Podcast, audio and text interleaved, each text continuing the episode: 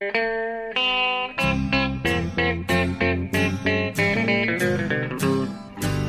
out there, we're on the air. It's hockey night tonight. Tension grows, the whistle blows, and the puck goes down the ice. The goalie jumps and the players bump, and the fans all go insane. Someone roars, Bobby scores at the good old hockey game. Oh, the good old hockey game is the best game you can name. And the best game you can name is the good Hallå, hallå, hallå, hallå, hallå, hallå, hallå, hallå, hallå, hallå, hallå. Hallå ja, och välkomna till NHL-podcasten med eh, hallåan ni hörde där. Jonathan Ekeliv i eh, Örby utanför Stockholm, Sverige. Och mig, Per Bjurman, i New York. Det är dags för avsnitt nummer 266 sedan starten. Ja, exakt. Och hur står det till med dig?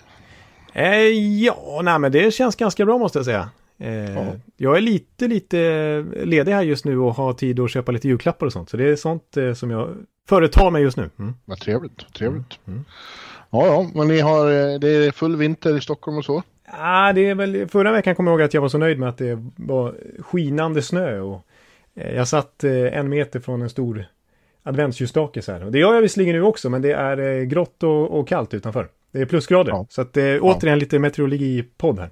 Ja, ja, ja, här är det soligt och fint idag, men kallt.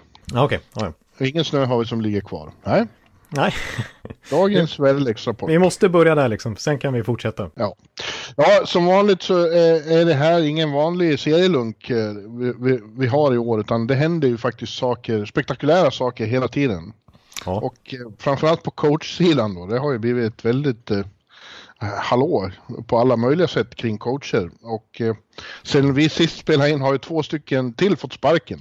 Ja, vi snittar två i veckan ungefär. Ja, Så att det, det har blivit standard i våra NHL-podd-starter. ja.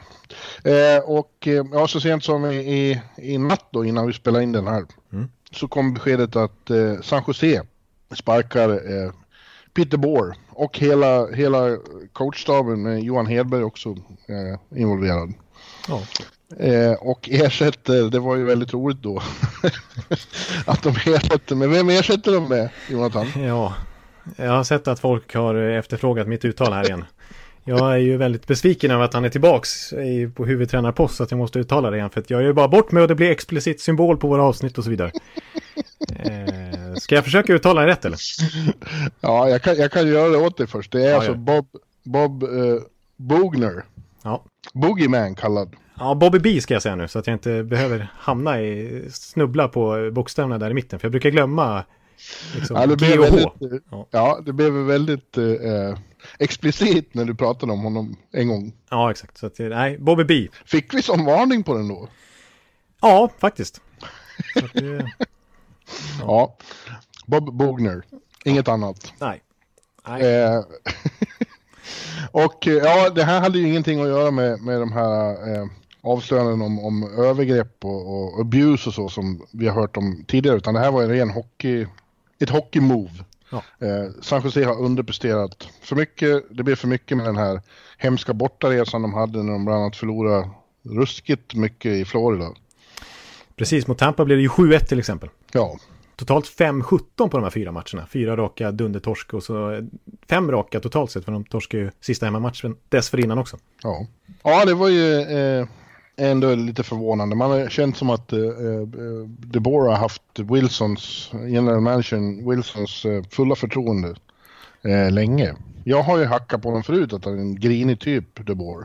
Ja, det har det verkligen gjort. Framförallt när de tog in han för fyra år sedan. För den här podden är ju gammal så vi kommer ihåg, jag kommer ihåg det att du var inte speciellt tillfreds med det beslutet. Nej, eh, men nu, eh, jag vet inte vad man ska säga. Ja, men Men, men de har ju verkligen underpresterat och det, det måste ju till något sånt här. precis. Det är väl som vanligt enklaste moven att bara flytta på coachen. Men som du säger, hade det känts som att det har varit Wilsons kille liksom. Och sett, generellt sett de här fyra åren så har det gått bra för San Jose ändå. Han kanske har varit deras franchise bästa coach genom tiderna resultatmässigt. Jag menar, de har ändå gått till slutspel alla de här fyra åren. De, De gick till en final. final, de gick till final, de var i konferensfinal i fjol. Eh, det, de är bara ett av fyra lag faktiskt eh, de här åren som har gått till slutspel varje gång. De är det lag som har vunnit näst flest slutspelsmatcher under DeBoers tid i San Jose. Det är bara Pittsburgh som har vunnit fler. Så Ja. att, han har ju varit framgångsrik. Men eh, nu är det ju verkligen med, när de ändå signar Karlsson på det dyraste backkontraktet i ligan i somras, så markerar de ju verkligen att de ska ge det en ordentlig chans nu sista åren när liksom Brent Burns, en åldrande Brent Burns, en åldrande Mark Edward Vlasic och Couture som faktiskt är lite smygammal, han är, har ju nått 30-årsgränsen han också. Eh, och Joe Thornton inte minst, att ge dem en verklig chans att vinna Stanley Cup med den här kåren. Även om ja. Pavelski lämnar dem, men eh, nej, nu har det barkat illa här och eh, jag menar, de har ju fem poäng upp till slutspel. Så att eh, ja. det måste hända någonting helt enkelt. Men är eh, Bogner mannen som kan eh, ordna det? Eller är han bara en tillfällig lösning? Det måste han väl nästan vara. Jag, jag vet inte. Han, ut, han utförde inga stordåd i Florida precis. Nej, precis. Det var ju liksom lite liknande problem där som det är i San Jose nu, det vill säga hönsgård i försvaret lite grann och dåligt målvaktsspel och alldeles mycket baklängesmål helt enkelt. Och det är det som har hänt i, i San Jose nu också. Alltså, det, det är för rörigt. Trots att de har en vass offensiv. Vad var det där för Darmors försök? För rörigt! ja, Ja, nej men det, jag menar, det, deras 5 mot 5 statistik eh, i år är ju förbryllande dålig faktiskt. De är ju det lag som släpper till typ mest high danger scoring chances i hela ligan. Eh, de har minus 30 i 5 mot 5 plus minus. Eh, ah, det, är all, det är på tok för dåligt. Och de räddas inte av sin vassa offensiv i powerplay till exempel. Bara 16% i PP. Bara ett mål de sista 30 powerplayen. Så att den PP-coachen röker ju all världens väg också. Eh, mm. Nej, och som, som sagt, Bogner hade ju lite, nu sa jag faktiskt Bogner, rätt. Eh, hade ju liknande siffror i, i Florida också, att, att det var försvarsspelet framförallt som hackade. Mm. Ja, eh, en intressant eh, detalj i det här att det var många direkt som, som sa Devils eh, när DeBoer fick sparken för eh, vår vän här, Alain, vad heter han nu? Nasreddin. Nasreddin är ju bara interim och eh, ah, det var många som trodde att, att DeBoer kommer hem igen innan, innan allt är sagt och gjort. Han är, tog ju trots allt Devils till final 2012 där. Ja. Eh, jag skulle nog säga att han är den, det största namnet på tränarmarknaden just nu. Av de som känns aktuella att ta in, inte så att man vill ta in Mike Babcock direkt. Nej. nej. Så, så av, av, alla namn som är tillgängliga så känns det som att DeBoer verkligen kan få ett jobb snabbt om han vill. Ja. Han har ju den meritlistan. Ja. ja, det ska bli spännande att se vad som händer i, ikväll då. De, de spelar ju redan ikväll. Har de hemmamatch mot, mot Rangers. Just det. Spännande. Det är en sån här must win. Det, ja, vad det får för effekt liksom. Eh, jag, jag, jag, har en känsla av att det finns så mycket kvalitet ändå i laget att de, det blir en, åtminstone en, en, en, eh, snabb effekt här i början. Det skulle jag tippa. Ja, det tror jag också. Och Bogner är ju lite den typen också. Eh, han är ju en sån här, han är, jag känner honom främst som en motivationscoach lite grann. Alltså en sån här som står och höjer rösten och verkligen motiverar sina spelare. Så att det borde, borde hända någonting. Eh, ja. Men annars tycker jag faktiskt att eh, Dog Wilson Ja, att det kanske är lite hans, att han kanske inte hänger löst men att jag menar hans projekt här eh, har ju skakat i grundvalarna när det har gått så pass dåligt nu för jag menar det är ändå han som har byggt det här laget på ett sätt som inte tycks vara så framgångsrik i dagens NHL, det vill säga att man lägger väldigt mycket pengar på vissa spelare. Alltså om vi kollar på lagen som var i final i fjol så hittar vi, och vi har nämnt det flera gånger, Boston och St. Louis vars högsta lönepost är på drygt 7 miljoner. Här har vi flera spelare som är upp mot 10 miljoner mm. per säsong. Och eh, kollar man på San Jose så har de ju obefintlig produktion från bottom six. Liksom. Det är ju, nu har ju liksom toppspelaren inte haft kanonsäsongen, inte Erik Karlsson. Visserligen åtta i Baccaras poängliga, faktiskt gjort 24 poäng. Brent Burns har varit sämre än väntat. Eh, Mayer och Laban kan ju inte alls leverera på det vis man hade tänkt sig och, och Couture nästan en poäng per match ändå. Men man, man väntar sig mer ändå av de här toppspelarna. Men framförallt så har de ingen uppbackning bakom. De har inte råd med några utfyllnadsspelare, utan det är så här många AHL-killar som egentligen inte platsar i NHL som har fått chansen och inte tagit den. Eh, och Joe Thornton som tredje center är nere i bottom six där. Noll mål den här säsongen. Mm. Så att eh, det är det som är det stora problemet kanske, lagbygget alltså. Håller den här strategin att ha några världsklasspelare men inte så mycket mer. Som sagt i dagens NHL så tyder det mesta på att jämn spridd fördelning av lönebudgeten är bättre. Ja, det, det kommer att visa sig. Eh, vad som händer med lagen nu då. Mm. Eh, jag tycker ändå att, fan, i bottom six de har Melker och Sören och, och Merlot.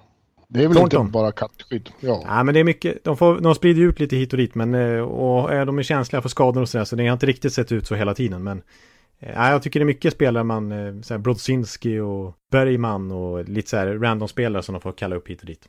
Radil och ja. Ja, fast nu är det ju inte så. De har inte så mycket skador just nu. På, eh, utan de du tänker på är Dylan Gambrell och Noah Gregor. Ja, precis. De har ju testat det... alla, alla möjliga varianter. I övrigt så är det rätt kända namn i hela forwardsuppställningen. Ja, Barkley Goodrow uppe i första kedjan nu. Han har gjort det ganska bra ändå. Ja. Han är väl den enda av de här killarna som har eh, lyckats ta ytterligare ett steg tycker jag den här säsongen. Ja, nu är de ju faktiskt ganska skadefria så det här är väl det bästa de kan komma upp med i princip. Ja. Eh, men, eh, nej. Ja, jag är lite tveksam till deras lagbygge faktiskt. Ja, ja, vi får se. Ja. Och framförallt på sikt. Jag menar, jag tror att de kan bli LA Kings här om några år. När de här börjar bli ja. för gamla. Ja, det är möjligt. Det är möjligt. Men eh, du vet ju vad jag, hur jag ser på dem. Jag ser dem som en samling bohemer som, ja. eh, som ibland tar lite för lätt på allting.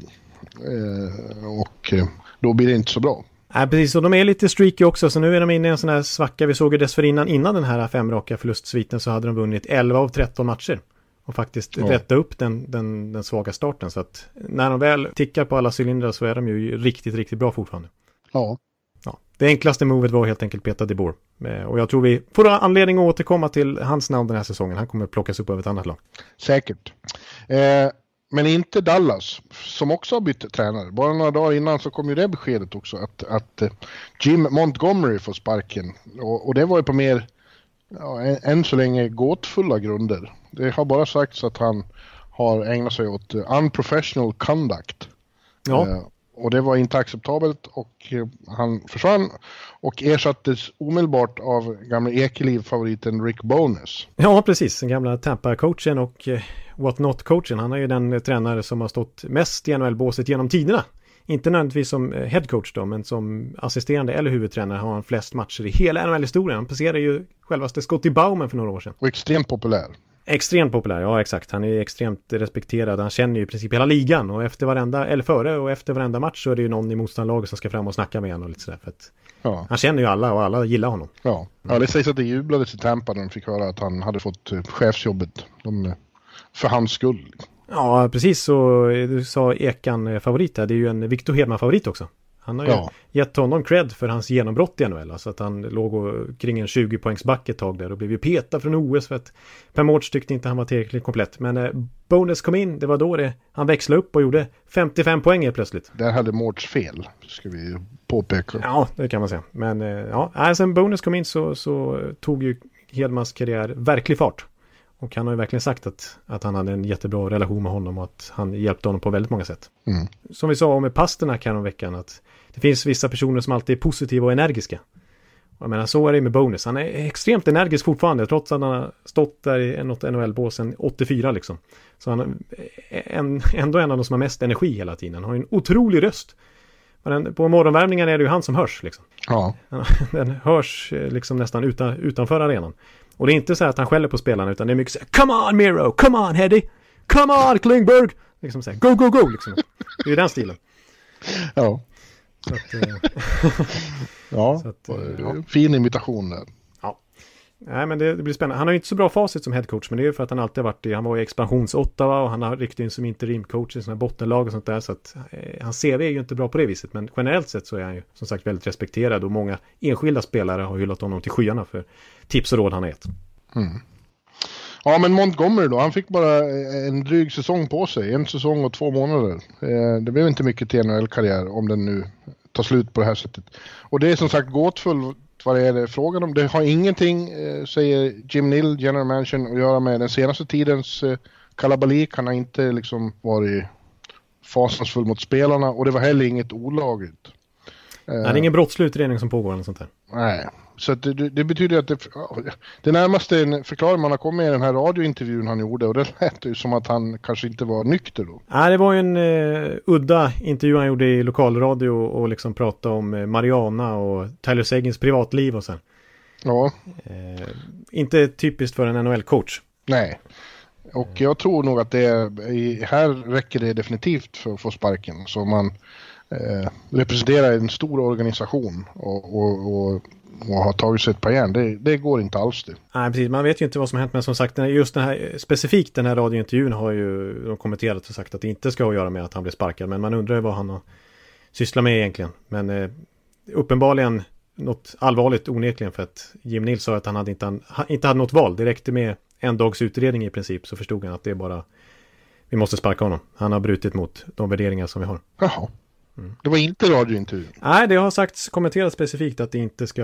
I alla fall Sean Shapiro på The Athletic har pratat med Dallas. Eh, som har gett ett uttalande typ att nej, det har inte med den att göra. Nej. Så, mm. ja. ja, ja. Underligt hur som helst. Ja, precis. Och eh, ett snabbt beslut som sagt och eh, anmärkningsvärd timing också i och med att Board of Governors hade sitt möte en dag tidigare och slog fast att eh, klubbarna kommer straffas stenhårt om de inte rapporterar överträdelser och missförhållanden till NHL liksom mm. omgående. Och en dag senare så har Montgomery blivit sparkad för det. För någonting som visserligen liksom ska vara skett utanför hockeyn och Dallas ramar, men ändå. Eh, så att, som sagt, mystiskt och gåtfullt. Det lär väl komma fram förr eller senare vad som har hänt. Anmärkningsvärd timing är ju också att det är snart är dags för Winter Classic. Ska ju faktiskt Dallas mot Nashville spelas. I värmen. Ja. Ja, och, ja, det är ingen värme där. Nej, det är väl, det är precis, när vi var i Dallas i, i mars här så var det ju, var ju man frös ju. Det var nästan minusgrader. Ja. Så det, det kommer nog gå bra att spela Winter Classic där. Men då ska ju ett filmteam komma och spela in Road to Winter Classic. Det är ju den här veckan de kommer. Jaha. Och, och då känns det som att eh, kan det ha spelat in också i det snabba beslutet att Jim Nill vill inte inleda inför öppen ridå en coachkontrovers? Liksom. Nej, nej. Ja, mm. Det, det blir, eftersom vi inte vet så blir det bara en massa spekulationer. Exakt, så det är svårt att säga något om det här. Det man kan säga i alla fall är ju att eh, Bonus, för den skull, han var inte beredd att kliva in på tisdag morgon och plötsligt vara huvudcoach. Han fick ju reda på det då. Och mm. spelarna själva har ju inte fått reda på vad som har hänt och alla inledde ju med att säga att de var tjockt. Liksom, ja. När de... ja, jag pratade med Klingberg och han, hade, han tyckte det var, det var jobbigt och, och tufft för alla inblandade. Och att det, det hade känts som en chock när de fick beskedet men de hade ju samlat ihop sig och vann sin första match i alla fall då mot eh, New Jersey. Exakt, det gjorde de ju faktiskt. Eh, höll nollan. Mm. Eh, så det var ju starkt. Eh, och som Tyler Seguin har ju tidigare sagt att eh, han hoppas att Jim Montgomery skulle bli hans sista NHL-coach. Den synen hade hon, han på Montgomery, men nu har det väl visat sig att de litar ju på att organisationen har tagit rätt beslut i alla fall. Ja. Jag läste någon annan som skrev som uh, säger att han vet vad som har hänt och att uh, många kommer att tycka att va, räckte det för att få sparken? Ja, okay. ja. ja han har tagit sig ett järn då. Ja, det är, vi, vi, vi, som sagt, det lär väl komma fram, men uh, nu är det, ja, det blev så här i alla fall och, och jag tror ju i alla fall att Bonus kommer kunna ratta den här skutan rätt bra ändå, faktiskt. Ja, tills vidare i alla fall. Vidare. Men är det, är det på lång sikt det är ingen idé att spekulera om heller. Nej, Dallas är ett väldigt bra lag och har, fort, har en bra coach igen då. Så att de, eh, de är en contender. Ja, det är de ju verkligen. De har, de har alldeles bra lag för att inte vara det. Alla lagdelar egentligen, målvaktssidan, backsidan och forwardsidan. Nu när Klingberg verkligen är tillbaka så spela upp sig efter sin svaga start. Och Heiskanen som är en av ligans mest underskattade spelare. Apropå att vi ska prata om underskattade spelare senare på den. Det kan jag hinta om redan nu. Mm. Nej, det är ett riktigt bra lag. Ja, du, du nämnde ju där att det har varit uh, Board of Governors möte i Pebble Beach i Kalifornien. Ja. Och där var ju uh, högst upp på agendan stod ju det som har hänt här med Babcock och Peters och, och hela den härvan.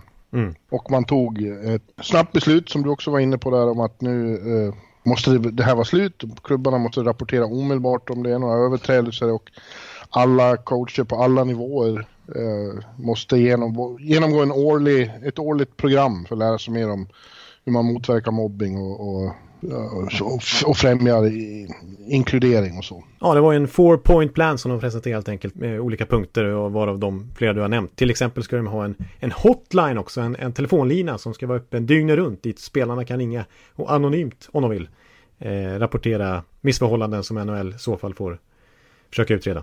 Ja. Det är i alla fall en, en konkret eh, iscensatt plan. Ja, det har varit mycket diskussion hit och dit, men jag tycker att det, ja, huvudsak tycker jag nog det känns som bra agerat av ligan. Ja, precis. Det är ändå ganska snabbt nu att liksom lägga något konkret här. Och visst, vi får se hur, hur det här fungerar i verkligheten. Liksom, kritiken är ju att ja, det här med att det ska bli hårda straff om man inte rapporterar, att det bara handlar om att Gary Bettman och Bill Daley vill vara förberedda så att, de inte ska, så att det inte ska bli PR-fiasko, så att de själva ska kunna styra hur rapporteringen blir. Mm. Eh, som det har varit i vissa fall tidigare. Och att den här hotlinen kanske inte kommer funka så bra heller. För att förr eller senare kommer, det går ju inte att vara helt anonym. Förr eller senare så kommer det komma fram vem som har anklagat hit och dit. Och spelarna är fortfarande rädda för vad konsekvenserna kan bli. Till exempel i Akim Elius fall när han faktiskt gick ut med på den tiden till Chicagos ledning att, att jag har blivit kallad för det ena och andra rasistiska glåporden av Bill Peters. Då ville ju då hände det ingenting förutom att Peters ville skicka ner dem till, till ECHL. Ja. Så eh, jag menar. Nej, visst. Det är inget konstigt att de är rädda för det. I en sån situation där, de, där, där det verkligen, där människor har eh, rätt att besluta om, om deras, deras speltid. Ja, speltid och vart de ska vara, därmed inkomst och sånt också. Exakt, och det finns ju massa exempel, till exempel Ron Hainsey som nu har spelat så fruktansvärt mycket matcher. Han spelar väl sin 1200 match häromdagen. Men annars så var ju hans NHL-karriär nästan på väg att ta slut efter lockouten senaste där 2013. För då var han väldigt engagerad i facket och tog ställning för spelarnas skull. Och då var det massa general managers som gjorde liksom en komplott, eller man ska säga, som gick ihop och sa att äh, signa inte den killen. Han vill vi inte ha i ligan. Nej. Så att eh, det finns ju många sådana exempel på när spelare har varit kritiska mot övermän så att säga och eh, fått skit för det. Mm. Så att eh, ja, vi får se hur det här fungerar i verkligheten men, och vi får se hur den där kursen kommer vara också om det är liksom, om den är relevant eller om det är bara att de får någon 16 minuters liten eh, video som de ska kolla på varje år. Det lär ju inte vi få veta, vi lär inte Nej. bli inbjudna Jonathan. Nej, det är precis. Så att, ja. Men det är, det är, i alla fall ett konkret... Ambitionen är bra. Ja. Det är det. Något annat jättemycket kom väl inte fram från det där Board, Board of Governors annat än att det blir inte något World Cup 2021. Nej, precis, utan i så fall kanske det blir något slags eh, mini-World Cup ändå i samband med All Star-breaket. Eh, ja. Så att de kör någon sån här tre mot tre turnering landslagsvis typ. Eh, eller Ryder Cup liknande, att det blir Europa mot Nordamerika eller något sånt där. Ja, det där har de ju tid att planera, men det blir i alla fall inget riktigt World Cup och det är synd för att eh, då får vi återigen vänta på bäst om bäst turnering. Liksom. Ja, det känns ju högst osäkert med OS också, tycker jag. Ja, tyvärr. Trots att det går i Kina. Så att, eh, nej, de, de sköter inte det där något bra med den internationella lanseringen. Nej. De, de påstår det med sina strömatcher här i, i Europa och de är väl okej, okay, men, men det, det, är ju ingen, det är ingen liksom enhetlig satsning på, på resten av världen och sprida hockeyn. Nej, nej, verkligen inte. Och Kina hade ju varit ett bra tillfälle, men nej. Det, nu är det, känns det inte lika hett som det gjorde för några år sedan verkar det som. För ägarnas del. Ja, de är så rädda om sina pengar vet du. De vill inte ha break ja. mitt i säsongen. Nej, det är det också. Eh, men, men eh, det är också så att eh, det används ju som ett medel i förhandlingar det här också. Ja. Så man ska inte ta för allvarligt på vad, vad de säger just nu. Nej, så är det. Så att, och annars kommer det inte fram så mycket. Jag såg att lönetaket kanske kan höjas ändå ganska ordentligt till nästa år. Med tanke på att många har skrivit kontrakt som ska vara liksom eh, skyddade mot en eventuell lockout 2021-2022 där någonstans. Så har många lägre lön. Eh, och mycket signing-bonusar istället för lön. Och det påverkar escrow, vilket ju är avancerat att prata om, för det är mycket matematiska siffror. Men eh, det skulle i alla fall innebära kanske eh, ja, möjligheter till ett högre lönetak. Om man ska fatta det väldigt enkelt. Mm. Eh, så att det pratas om uppemot 85 miljoner dollar i lönetak eh, siffror. Och då skulle det höjas med flera miljoner en väsentlig ökning som skulle gynna väldigt många lag. Ja, till nästa säsong. Till nästa säsong, ja. Mm. Ja, vilka, vilka skulle, skulle Tampa Bay Lightning ha nytta av det? Ja, ja verkligen. det skulle passa väldigt fint. Då har vi kanske råd att behålla Sergachev till exempel och Cirelli och så här. Nu blir jag väldigt nördig men... Mm.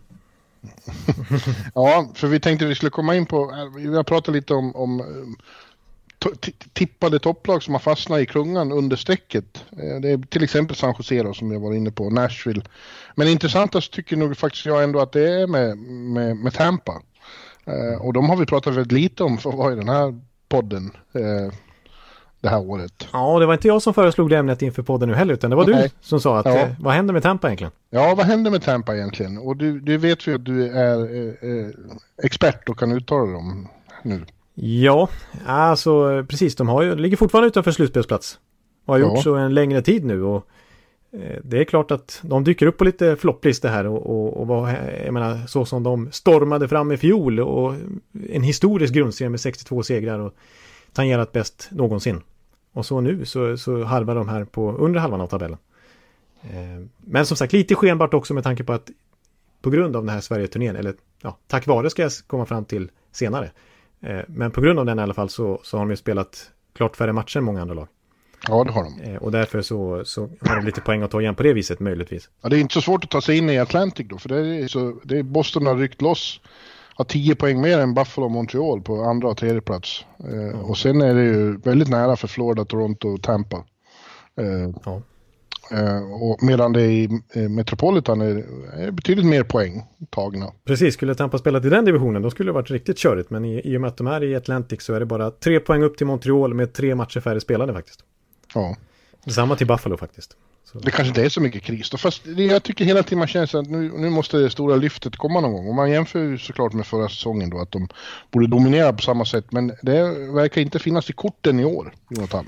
Nej, inte resultatmässigt i alla fall. Men spelmässigt skulle jag säga att tack vare den här Sverige-turnén så måste jag ändå säga att det blev så där positivt som du förutspådde då att det kanske skulle bli. Ungefär som för Colorado när de var i, i Sverige. Så efter det så kom de ihop som grupp och, och fick det här lyftet som fortfarande på något vis sker. Mm. Eh, och ja, lika uppenbart är det inte för Tampa resultatmässigt för de har ju förlorat ett antal matcher sedan dess också. Men eh, spelmässigt så måste jag säga att jag är imponerad över deras lir. Jag tycker det liknar lite fjolårets grundserie nu, att de dominerar väldigt många matcher. Fram till Sverige-äventyret, då, var det, då var det faktiskt kris spelmässigt. De var ett av ligans sämsta possession-lag. Eh, så inte ens offensiven fungerade. De snackade på försäsongen om att det var försvarsspelet som fällde dem i fjol. Du nämnde ju att Anton Stråman sa att de negligerade mm. alldeles för mycket, att, att hans analys var att det var det som gjorde att, att det tog tvärstopp i slutspelet också. Ja, att eh, Vasilevskis storspel förra säsongen eh, kamouflerade bristerna. Ja, precis. Mm. Och eh, när inte offensiven fungerade heller i början av den här säsongen och försvarsspelet faktiskt var lika dåligt, ja, då var man inte, då var man helt enkelt inte bra och väldigt lättspelade.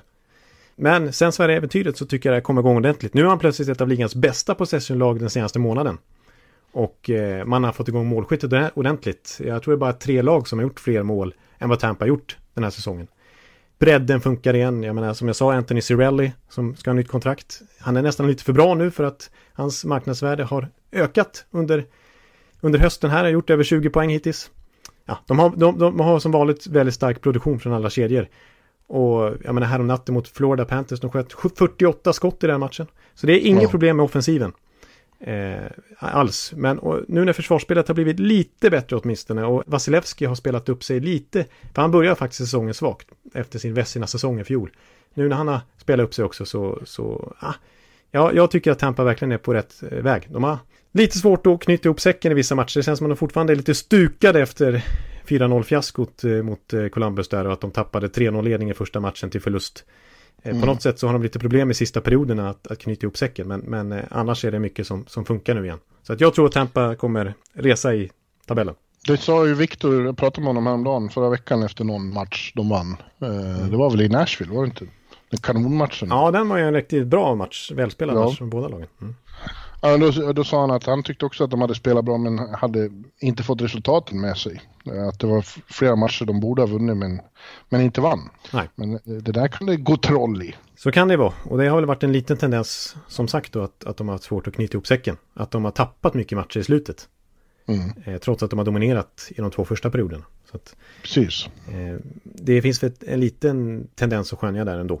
Som är lite oroväckande. Men ja, Annars är det bra. Jag tycker en sån som Patrick Maroon har haft stor inflytelse på laget och faktiskt lite vinnarmentaliteten då från fjolårets Stanley Cup-resa. Ja. Han, han, har ofta gått i bräschen när det har gått lite troll i spelet och fått igång dem igen och, och uppenbarligen sagt att, kloka ord i omklädningsrummet. Ja, jag har sett att Cooper har hyllat honom för hans, eh, ja, som du säger, vad han, hur han påverkar omklädningsrummet. Men det är väl samtidigt är det väl andra som eh, på individuellt plan inte, du nämnde Vasilevski där, men Kucherov och Point har väl inte heller riktigt varit som i fjol. Nej, det är inte så att Kucherov sticker iväg i poängligan. Han är ju Nej. avhängd vid det här laget redan. Men eh, jag tror faktiskt han har gjort 20 poäng de sista 12 matcherna någonting. Så han har kommit igång ordentligt ändå igen eh, efter en svag start. Så att, men Point har ju inte varit speciellt vass. Han gjorde över 90 poäng i fjol och nu ligger han på ja, inte i närheten av en poäng per match i alla fall. Det var inget bra det med eh, kontraktstjafset före säsongen. Nej, när han missade hela försäsongen då. Mm. Och var ju lite skadad dessutom i början av säsongen. Eh, så att, ja. ja, jag ser ändå positivt på det här. Nu är det ju så att vi kryper lite i vassen då. Det kanske är bra för oss. Vet du. Ja, ja. Vi kommer ha press på oss ändå när, när, om det väl blir slutspel, men... Eh... Oss? Är, du, är, du är vi med. Ja, nu, nu, nu blev det så. Men ja, det blir en helt annat ingångsvärde kanske i det här slutspelet jämfört med i fjol när, när det var extrem press på Tampa. Och det klarar de inte av att hantera. Nu, nu är det ett lite annat läge. Ryan Reynolds här från Mint Mobile. Med priset på nästan allt som går upp under inflationen, trodde vi att vi skulle bring våra priser down. So to help us, we brought in a reverse auctioneer, which is apparently a thing. Mint Mobile unlimited premium wireless. Ready to get 30, 30, bit to get 30, bit to get 20, 20, 20, bit to get 20, 20, bit to get 15, 15, 15, 15 just 15 bucks a month. So, Give it a try at mintmobile.com/switch. slash $45 upfront for three months plus taxes and fees. Promo rate for new customers for limited time. Unlimited more than 40 gigabytes per month. Slows. Full terms at mintmobile.com. Ja. Ja. Eh, det kunde vara värre. Du kunde vara fan eh, ett annat eh, Atlantic-lag. Eh, som det går avsevärt mycket sämre för. Och det är ju då Detroit. Ja. Som nu har förlorat. Ja, idag är det faktiskt exakt en månad sedan de senast vann en match. Ja, just det. Det är faktiskt så länge sedan. De har förlorat 12 eller 13 i rad tror jag. Ja, 12 i rad ja. Mm. Ja. Och eh, nu, debatter, nu är debatten igång. Är Detroit Red Wings eh, 2019-2020 det sämsta en, laget under hela, under hela cap-eran? Och eh, ja, de är då definitivt med och konkurrerar. Ja, ja faktiskt. Alltså rent eh, pace-mässigt. Hur många poäng de antas ta om de fortsätter i samma takt nu så blir det ju eh, någonstans mellan 43 och 45 poäng. Och eh, det är ju sämst i cap-eran. Det är sämre än vad Colorado Avalanche fick ihop 2016-17 när de fick upp 48 poäng. Den sämsta noteringen sedan lönetaket infördes. Ja, de får ju passa sig. Den längsta förlustsviten någonsin är ju 17. Delad av Washington Capitals från 74-75 och San Jose 92-93. Ja. Det skulle inte vara något roligt rekord att slå kanske. Nej, det vill man verkligen inte ha. Men eh, nej, just nu ser det ju inte bra ut. Alltså deras målskillnad. Minus, Minus 62. Ja. Ja, den är inte att leka med. Nej, vi har bara spelat två och en halv månad på säsongen. De har minus 62. De snittar alltså nästan två målsförlust i varje match. Ja. Det är, det är riktigt dåligt. Ja. ja, nu är det ju så här att de är ju inne i en rebuild och att de inte är så bra är ju nästan eh, planenligt. Eh, och det finns somliga som säger att det här är, eh, ingår i Stevies planer. Eh, det tror ju faktiskt inte jag. Inte att det, inte att det ska gå så här dåligt. Alltså. Nej, det är inte meningen att de ska slå rekord liksom. Nej, det här, det här sprider ju en en depression omkring hela hallen, hela klubben. Och eh, sätter sig i väggarna och det är inte bra för att många av de här killarna som han har i, i, den här truppen ska ju ändå vara med och utgöra stomme framöver. Ja. Så när till exempel Buffalo där hade sin, när de... Vad som allra tank- sämst. Ja, när de tankade så var det ju inte mer, då skulle de ju, det laget skulle i princip bort. Ja. ja. Men det ska inte de här. Nej, det är sant. Sant. Det är ju många av de här, som du säger, det utgör ju sto- stommen. De eh, startar sin NHL-karriär i den här miljön. Eh, Larkin, Sedina som de har plockat upp nu. Hronek, Ja. Cholowski, Atanasio. Athanasio. Ja. Manta, precis. Athanasio, apropå plus minus. Minus 33. Ja, det, ja, usch, usch. Så att, eh, nej, det, det kan inte vara positivt. Men eh, samtidigt så är, alltså, Iceman som säger, han, inför säsongen så var han ändå tydlig med att jag kommer inte in här och ska ta oss till slutspel. Utan Nej. det var så här att, eh, nej, vi är inne i en riktig rebuild nu. Vi är mitt inne i vår rebuild här och det kommer ta tid, det här projektet som jag startar nu. Eh, vi kommer inte vara speciellt bra den här säsongen. Vi ska göra så gott vi kan, men, men förvänta inte er så mycket. Eh, så att han har ju en lång smekmånad och med den legendstatus han har i klubben och med det CV han har som general manager med tanke på hur han byggde upp Tampa Bay så, så har ju inte han, är inte han ämne för kritik än så länge. Men Blashill är ju lite under lupp nu i alla fall. Ja, fast vad skulle det, det är ingen poäng med att sparka honom nu. Det är lika bra att vänta tills säsongen är över, Ja, precis. tror jag. Det, de är sex poäng från närmsta lag i tabellen så det är inte så att de har något att spela för. Men det skulle vara om man vill stoppa blödningen då. Och, Ja. och liksom ändå eh, vinna några matcher. Det är ändå så att man vill ha folk till arenan. Men varför skulle någon vilja gå och se dem spela nu? Liksom? Det blir ju tomt i, i lyxbygget i downtown Detroit. Ja. Men samtidigt har jag, ja exakt, samtidigt har jag ju, och vilket jag håller med om och som jag har pratat lite om i det här lagets fall, eh, Minnesota. Alltså röster i Minnesota-fans som säger så här liksom, nej, vad, vad håller vi på med? Vi, vi är för bra. Nu blir det så här samma sak igen, att vi är in the mushy middle. Vi liksom har tagit, tagit oss, kravlat oss upp igen och spelar hyfsat och lyckas snosa på en slutspelsplats. Men då blir det återigen så där att man fast man är aldrig riktigt bottom out. Man skeppet sjunker aldrig utan man eh, lyckas liksom täcka hålen liksom lite titt som tätt och, och hålla det flytande. Men nej, då blir det så här att man har sämst prospect pool i hela ligan typ. Och, eh, laget och kåren blir äldre och äldre och så, så blir det jättejobbigt att, bli konkurrens, riktigt konkurrenskraftig igen. För att jag menar Minnesota kommer inte ha något i ett slutspel att göra i längden ändå tror jag. Eh, i, I Detroits fall i alla fall så kanske det kan bli som för Colorado 16-17 apropå den där rekordusla säsongen eh, faktiskt. Vad är de nu? Ja, de är ett av ligans mest hippa lag.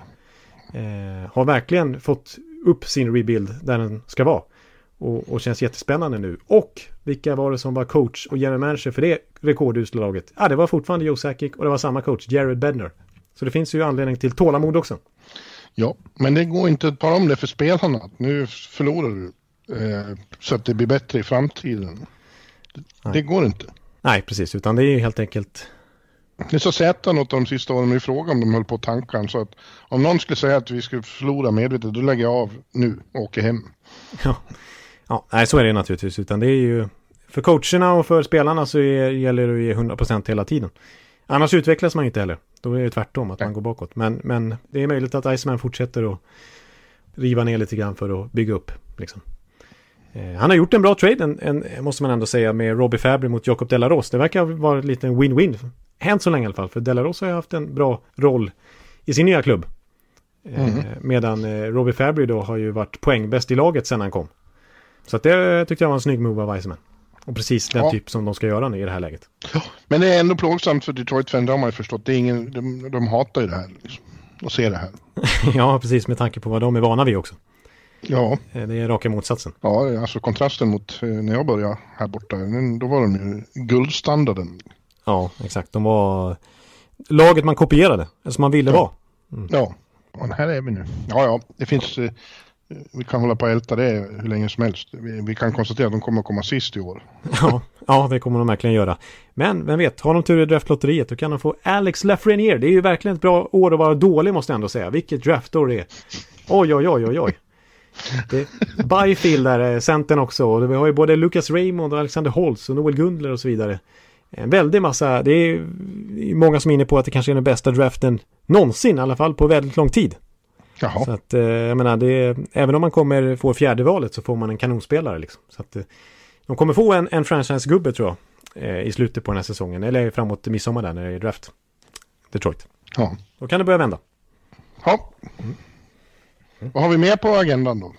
Ja, jag vet inte vad vi har så mycket mer. Vi, vi, eller förutom att vi ska kanske komma in på våra underskattade spelare. Men vill vi ta något mer innan dess? Nej. Nej. Nej. Nej. Men vi tar Nej. väl, eh, vi tar väl lite under, underskattade spelare. Vi har fått faktiskt, det tror jag inte du har sett, men vi har fått förfrågan om eh, just det här ämnet. Jaha, nej det har jag inte sett. Mm. Men du, eh, vad vi har gjort så att du, du har tagit ut, jag har tagit ut fem underskattade svenskar och du fem underskattade icke-svenskar. Exakt. Så eh, vill du börja? Ska vi ta varannan eller? Ja, det kan vi göra. Så, Nej, börjar du. Ska jag börja? Okej. Okay. Eh, jag kör på icke-svenska. Sen ser jag faktiskt att jag har ju tagit med en svensk ändå. Jaha, det, var det var inte meningen. Ja, det var väldigt konstigt. Men eh, ja, jag kunde inte låta bli uppenbarligen. Men eh, okej. Okay. Eh, Jonathan Huberdeau har jag tagit. Jaha. Mm. I Florida. Florida Panthers. Eh, ytterforwarden där som är radarpartner med Alexander Barkov. Ja, jag tycker att han inte får så mycket cred. Han är ändå en riktig poängmaskin. Han gjorde 92 poäng i fjol. Han är topp 10 poängligan i år med 37 poäng på 30 matcher. Gör ju en fruktansvärd massa assist. Eh, han är ju mm. framförallt en playmaking winger. Han är ju ingen så scoring winger som Pasternak eller Ovechkin. Utan han är ju en speluppläggare som Johnny Gaudreau eller som Blake Wheeler eller sådär. Eller Patrick Kane. Och just de tre som jag nämnde där. Ah, de har gjort färre assist än vad Jonathan Huberdeau har gjort de två senaste åren om vi räknar in den här säsongen. Ja, det tycker jag låter, det är ett utmärkt eh, exempel på underskattad spelare. Ja, dig. exakt. Mm. För, jag, för jag tänker liksom NHL rankar bästa ytterforwards inför säsongen. Då kom, han på plats 16 liksom. Efternamn som jag tycker han är, är bättre än. Eh, ja. Han, han, är absolut inte med på någon, någon, lista när man ser 50 bästa spelarna till exempel i NHL. Jag vet inte, han kanske är på gränsen där, men ändå. Jag tycker inte han nämns som en av ligans bästa wingers. Och det är han ju. Poängmässigt och assistmässigt sett så är han ju det. Ja, mm. ja men uh, utmärkt namn.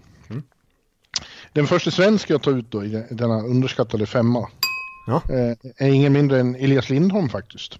Ja. Han, eh, han vann ju faktiskt svenska poängligan i fjol. Ja. Eh, och leder målligan även i år med 14 fullträffar.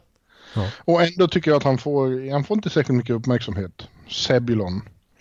Eh, Elias Sebulon Lindholm. Men han är ju en, eh, han är en av våra allra bästa spelare här nu. Så är det bara. Ja, nej, jag håller med om det. Jag håller med om det. Han är just det här, både och faktiskt. Att han inte får speciellt mycket cred.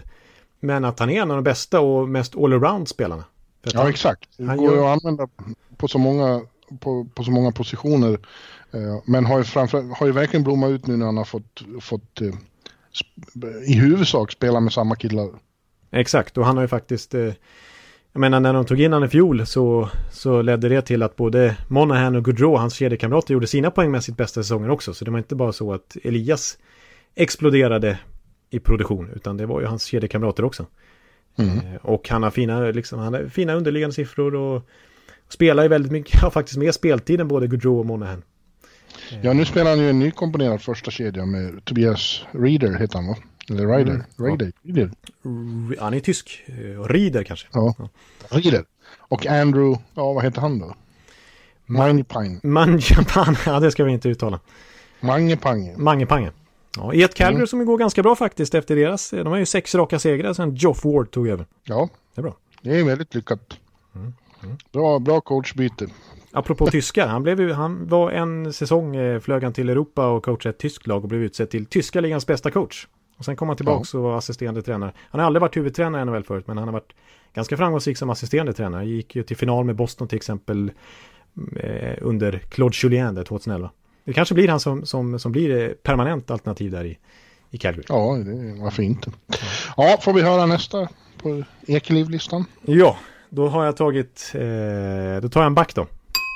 Eh, Här är en riktig Ekeliv-favorit. Du kommer bli, jag tror du kommer sucka lite för du är trött på att höra om honom. Eh, Ja. Jacob Slavin. Nej, det varför skulle jag vara trött? Nej, men jag på? brukar prata, när vi pratar Carolina så tar jag ofta, upp- ofta upp honom och tycker att han är underskattad och väldigt bra. Ja, Eh, han- den religiöse. ja. ja, just det. Han är, är han mormon eller? Nej, han är bara djupt kristen. Ja, okej. Han är ju från eh, Colorado. Där, är- ja, det, är, det är Utah som är mormon. Ja, Mm. ja, det är en konstig eh, reflektion av mig. Ja, ja, men eh, det jag ska, snarare ska trycka på det är att, eh, att han eh, är, jag skulle nog säga att han är NHLs bästa back med klubban, alltså att försvara med klubban. Eh, Ja. Han har en otrolig räckvidd, han har en otrolig känsla för att täcka passningsytor, ta bort två mot en lägen, ta bort passningar in i slottet, bryta diagonalpassningar och så vidare. Eh, alltså han, om, man, om man kan räkna plus minus i takeaways respektive giveaways, alltså hur många gånger man blir av med pucken och hur många gånger man snor pucken, så är han plus 36 eh, den här säsongen plus förra. Och det är väldigt, väldigt bra. Han är, jag tror att han är den back, eller han är den back den här säsongen plus förra som har klart flest takeaways, alltså att han har snott pucken flest gånger. 10 mer än den som är tvåa på den här listan. Så att, ja, väldigt bra i den statistiken. Får ju ofta möta motståndarnas bästa spelare, får ju mycket förtroende och ändå jättefina underliggande siffror. Alltså spelet det skjuts mycket, mycket mer skott framåt när han är på isen än bakåt. Och så har det varit genomgående i hans karriär. Så att, eh, en riktig coachfavorit och en Ekan-favorit och som sagt NHLs bästa spelare med klubban. Ja. Ja, eh, här har vi nästa namn, eh, svenska namn, är Kalle Järnkrok då i Nashville. Bra namn. Ja. Eh, han har ju fått, han har ju varit spelat länge nu, men det känns som att han har fått eh, ett, ett andra genombrott den här säsongen. Det tycker jag. Eh, han har fått en mer op- offensiv roll redan från start, men nu ännu mer eftersom han ersätter då Viktor Arvidsson i första kedjan med, med Filip och Ryan Hansen. Eh, och sköter den utmärkt. Alltså han, är ju, han, han har fått visa mer av vad han kan den här säsongen och han kan väldigt mycket mer än han får cred för. Jag håller med om det. Han är ju den forward i laget som gjort mest poäng Ja, den här säsongen. Han är ju före namn som Johansson och Forsberg och Duchene och så vidare. Så det är riktigt imponerande. Och eh, bra playmaker men också ett fantastiskt snärt i handledsskottet måste jag säga. Ja. ja han är ju en liten sån allt i allo städgumma där. Ja. Och varit i, många år. Men nu får, nu får han... Eh, nu litar de mer på hans offensiv. Den som ju var hans vapen när han var hemma i Sverige. Väl? Ja, då var han ju en powerplay-kille och en offensiv playmaker och, och, och skarpskytt. Han Ja. var ju den som skulle, han var ju första center liksom. Och nu får han visa lite det. Jag håller med om det att det är lite en andra genombrott och att han tidigare hade verkligen stämpeln som allt i allo. Det är man ju om man får ett sånt kontrakt. Alltså två miljoner för sex, sju år och vad det var.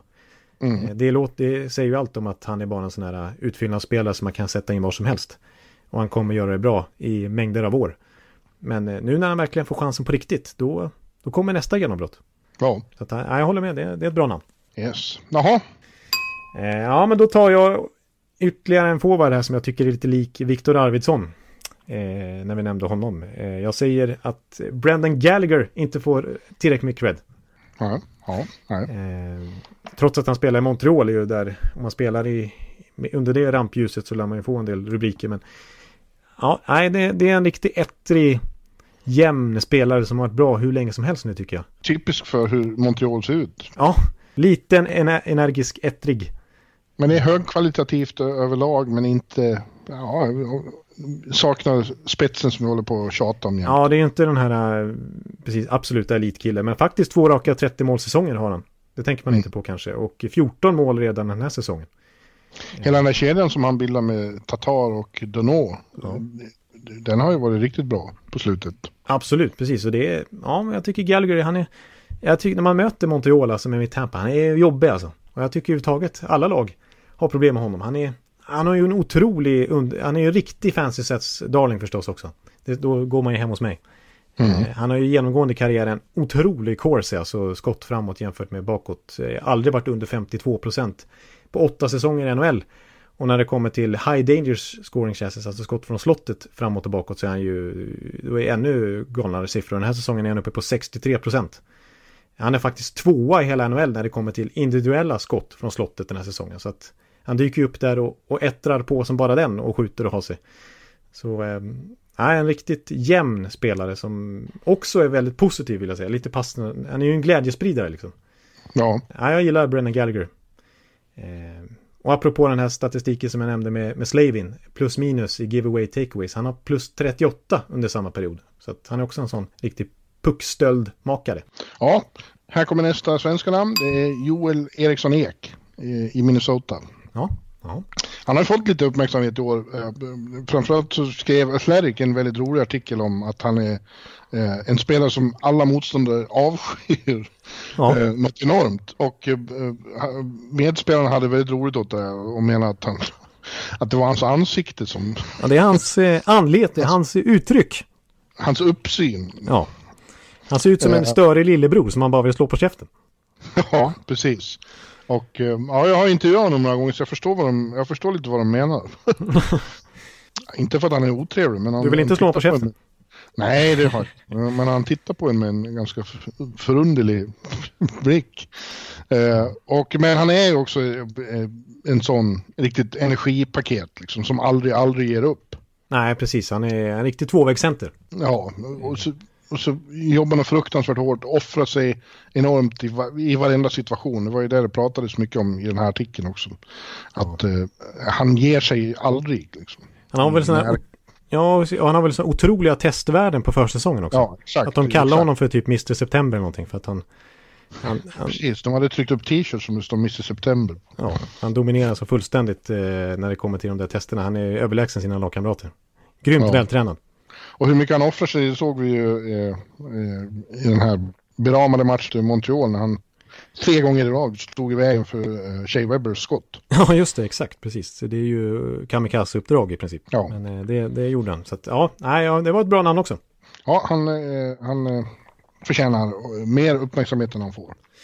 Ja, men då, då tar jag faktiskt min svensk på listan då, vilket ju var konstigt. Men det blir en bra segway utifrån att vi just pratade om Joel Eriksson Ek. Och då tar jag min lag, hans lagkamrat. Jonas Brodin. Ja, okej. Okay. Ja. Han är ju värblänning han också, Färjestad-kille. Ja. Eh, eh, som jag, jag har sett många Minnesota-fans som har, som har kallat honom för deras bästa back den här säsongen. Bättre Jaha. än eh, Damba, bättre än eh, Ryan Suter, bättre än eh, Spurgeon och sådär. Så det, de har en fin eh, topp fyra där, men att Brodin har varit bäst den här säsongen. Han, är, han har alltid fått cred för sin fina skridskoåkning. Att han är så otroligt mjuk och fin, liksom, åt båda hållen. Eh, men han är väldigt oflashig.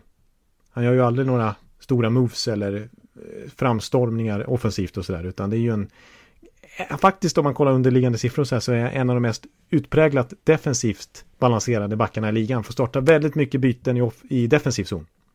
Eh, trots det, att han alltid har den utgångspositionen i princip, så har han ja, jättefina underliggande siffror. Flyttar fram spelet, eh, jättefin liksom skott, eh, skott, skott från slottet, differens framåt respektive bakåt.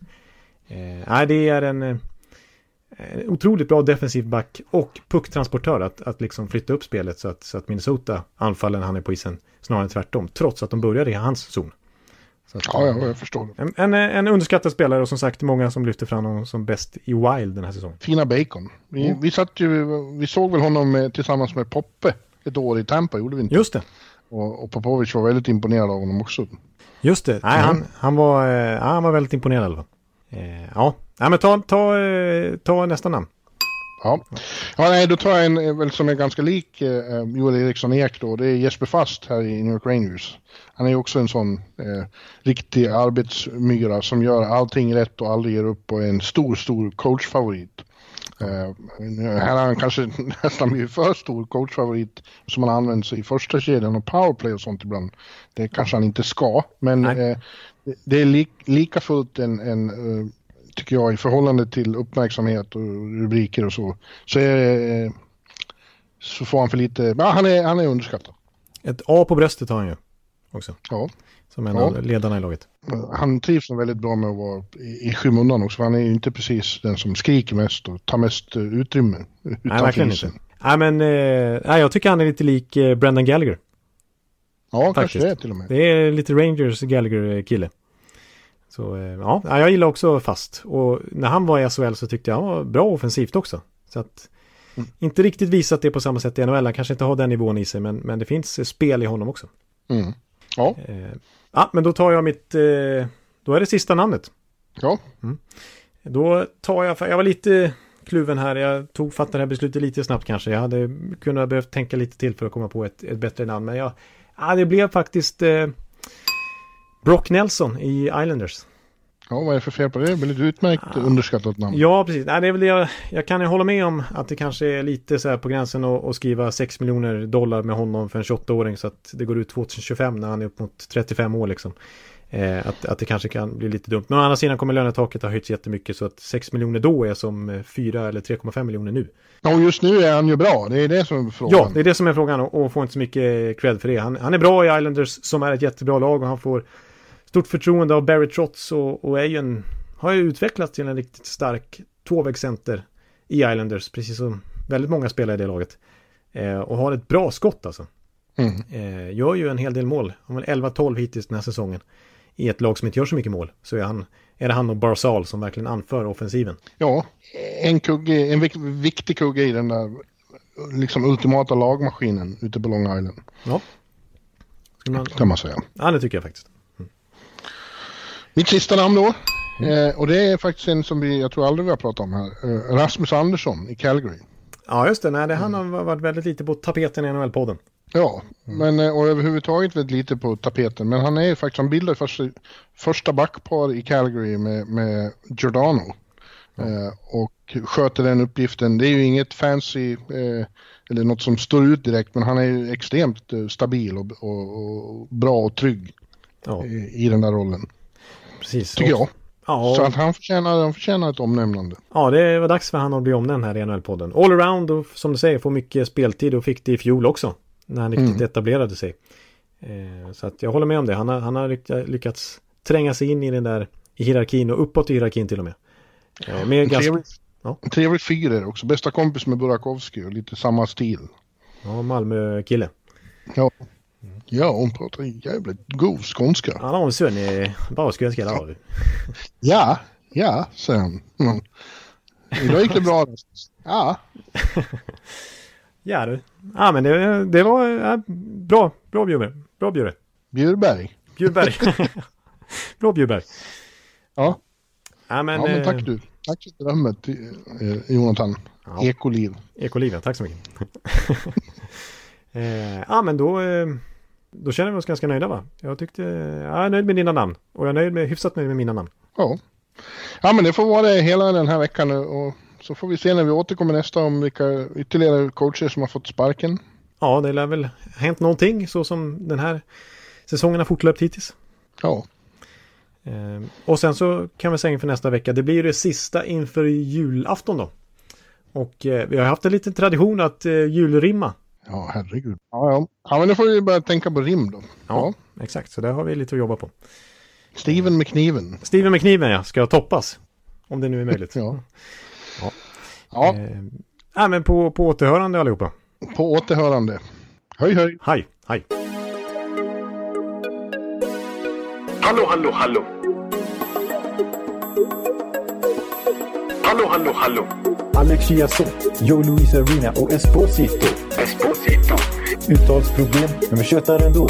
Och alla kan vara lugna, inspelningsknappen är på. Bjuder Hanna Kohl, han är grym i sin roll. Från Kållesoffan har han fullständig kontroll på det som händer och sker. Det blir ju allt fler som rattar in hans blogg. Och lyssna på hans podd. One, two, punch, speed, so Hallå, hallå, hallå. One, two, punch, speed, so Hallå, hallå, hallå. Ekeliv, som är ung och har driv. Verkar stor och stark och känns allmänt massiv. Han hejar på Tampa och älskar Hedman. Sjunger som Sinatra. Ja, och det ser man. Nu är det dags för refräng. Dags för magi, Victor Norén. Du är ett geni. Så stand up at home and remove your hats. Höj volym, för nu är det plats. One, two, punch, speed, so Hallå, hallå, hallå. One, two, punch, speed, so Hallå, hallå, hallå. One, two, punch, speed, so Hallå, hallå, hallå. One, two, punch, speed, so Hallå, hallå, hallå. Det är otroligt länge sedan båda samtidigt var så här bra. Hallå, hallå, hallå. Det är otroligt länge sedan båda samtidigt var så här bra.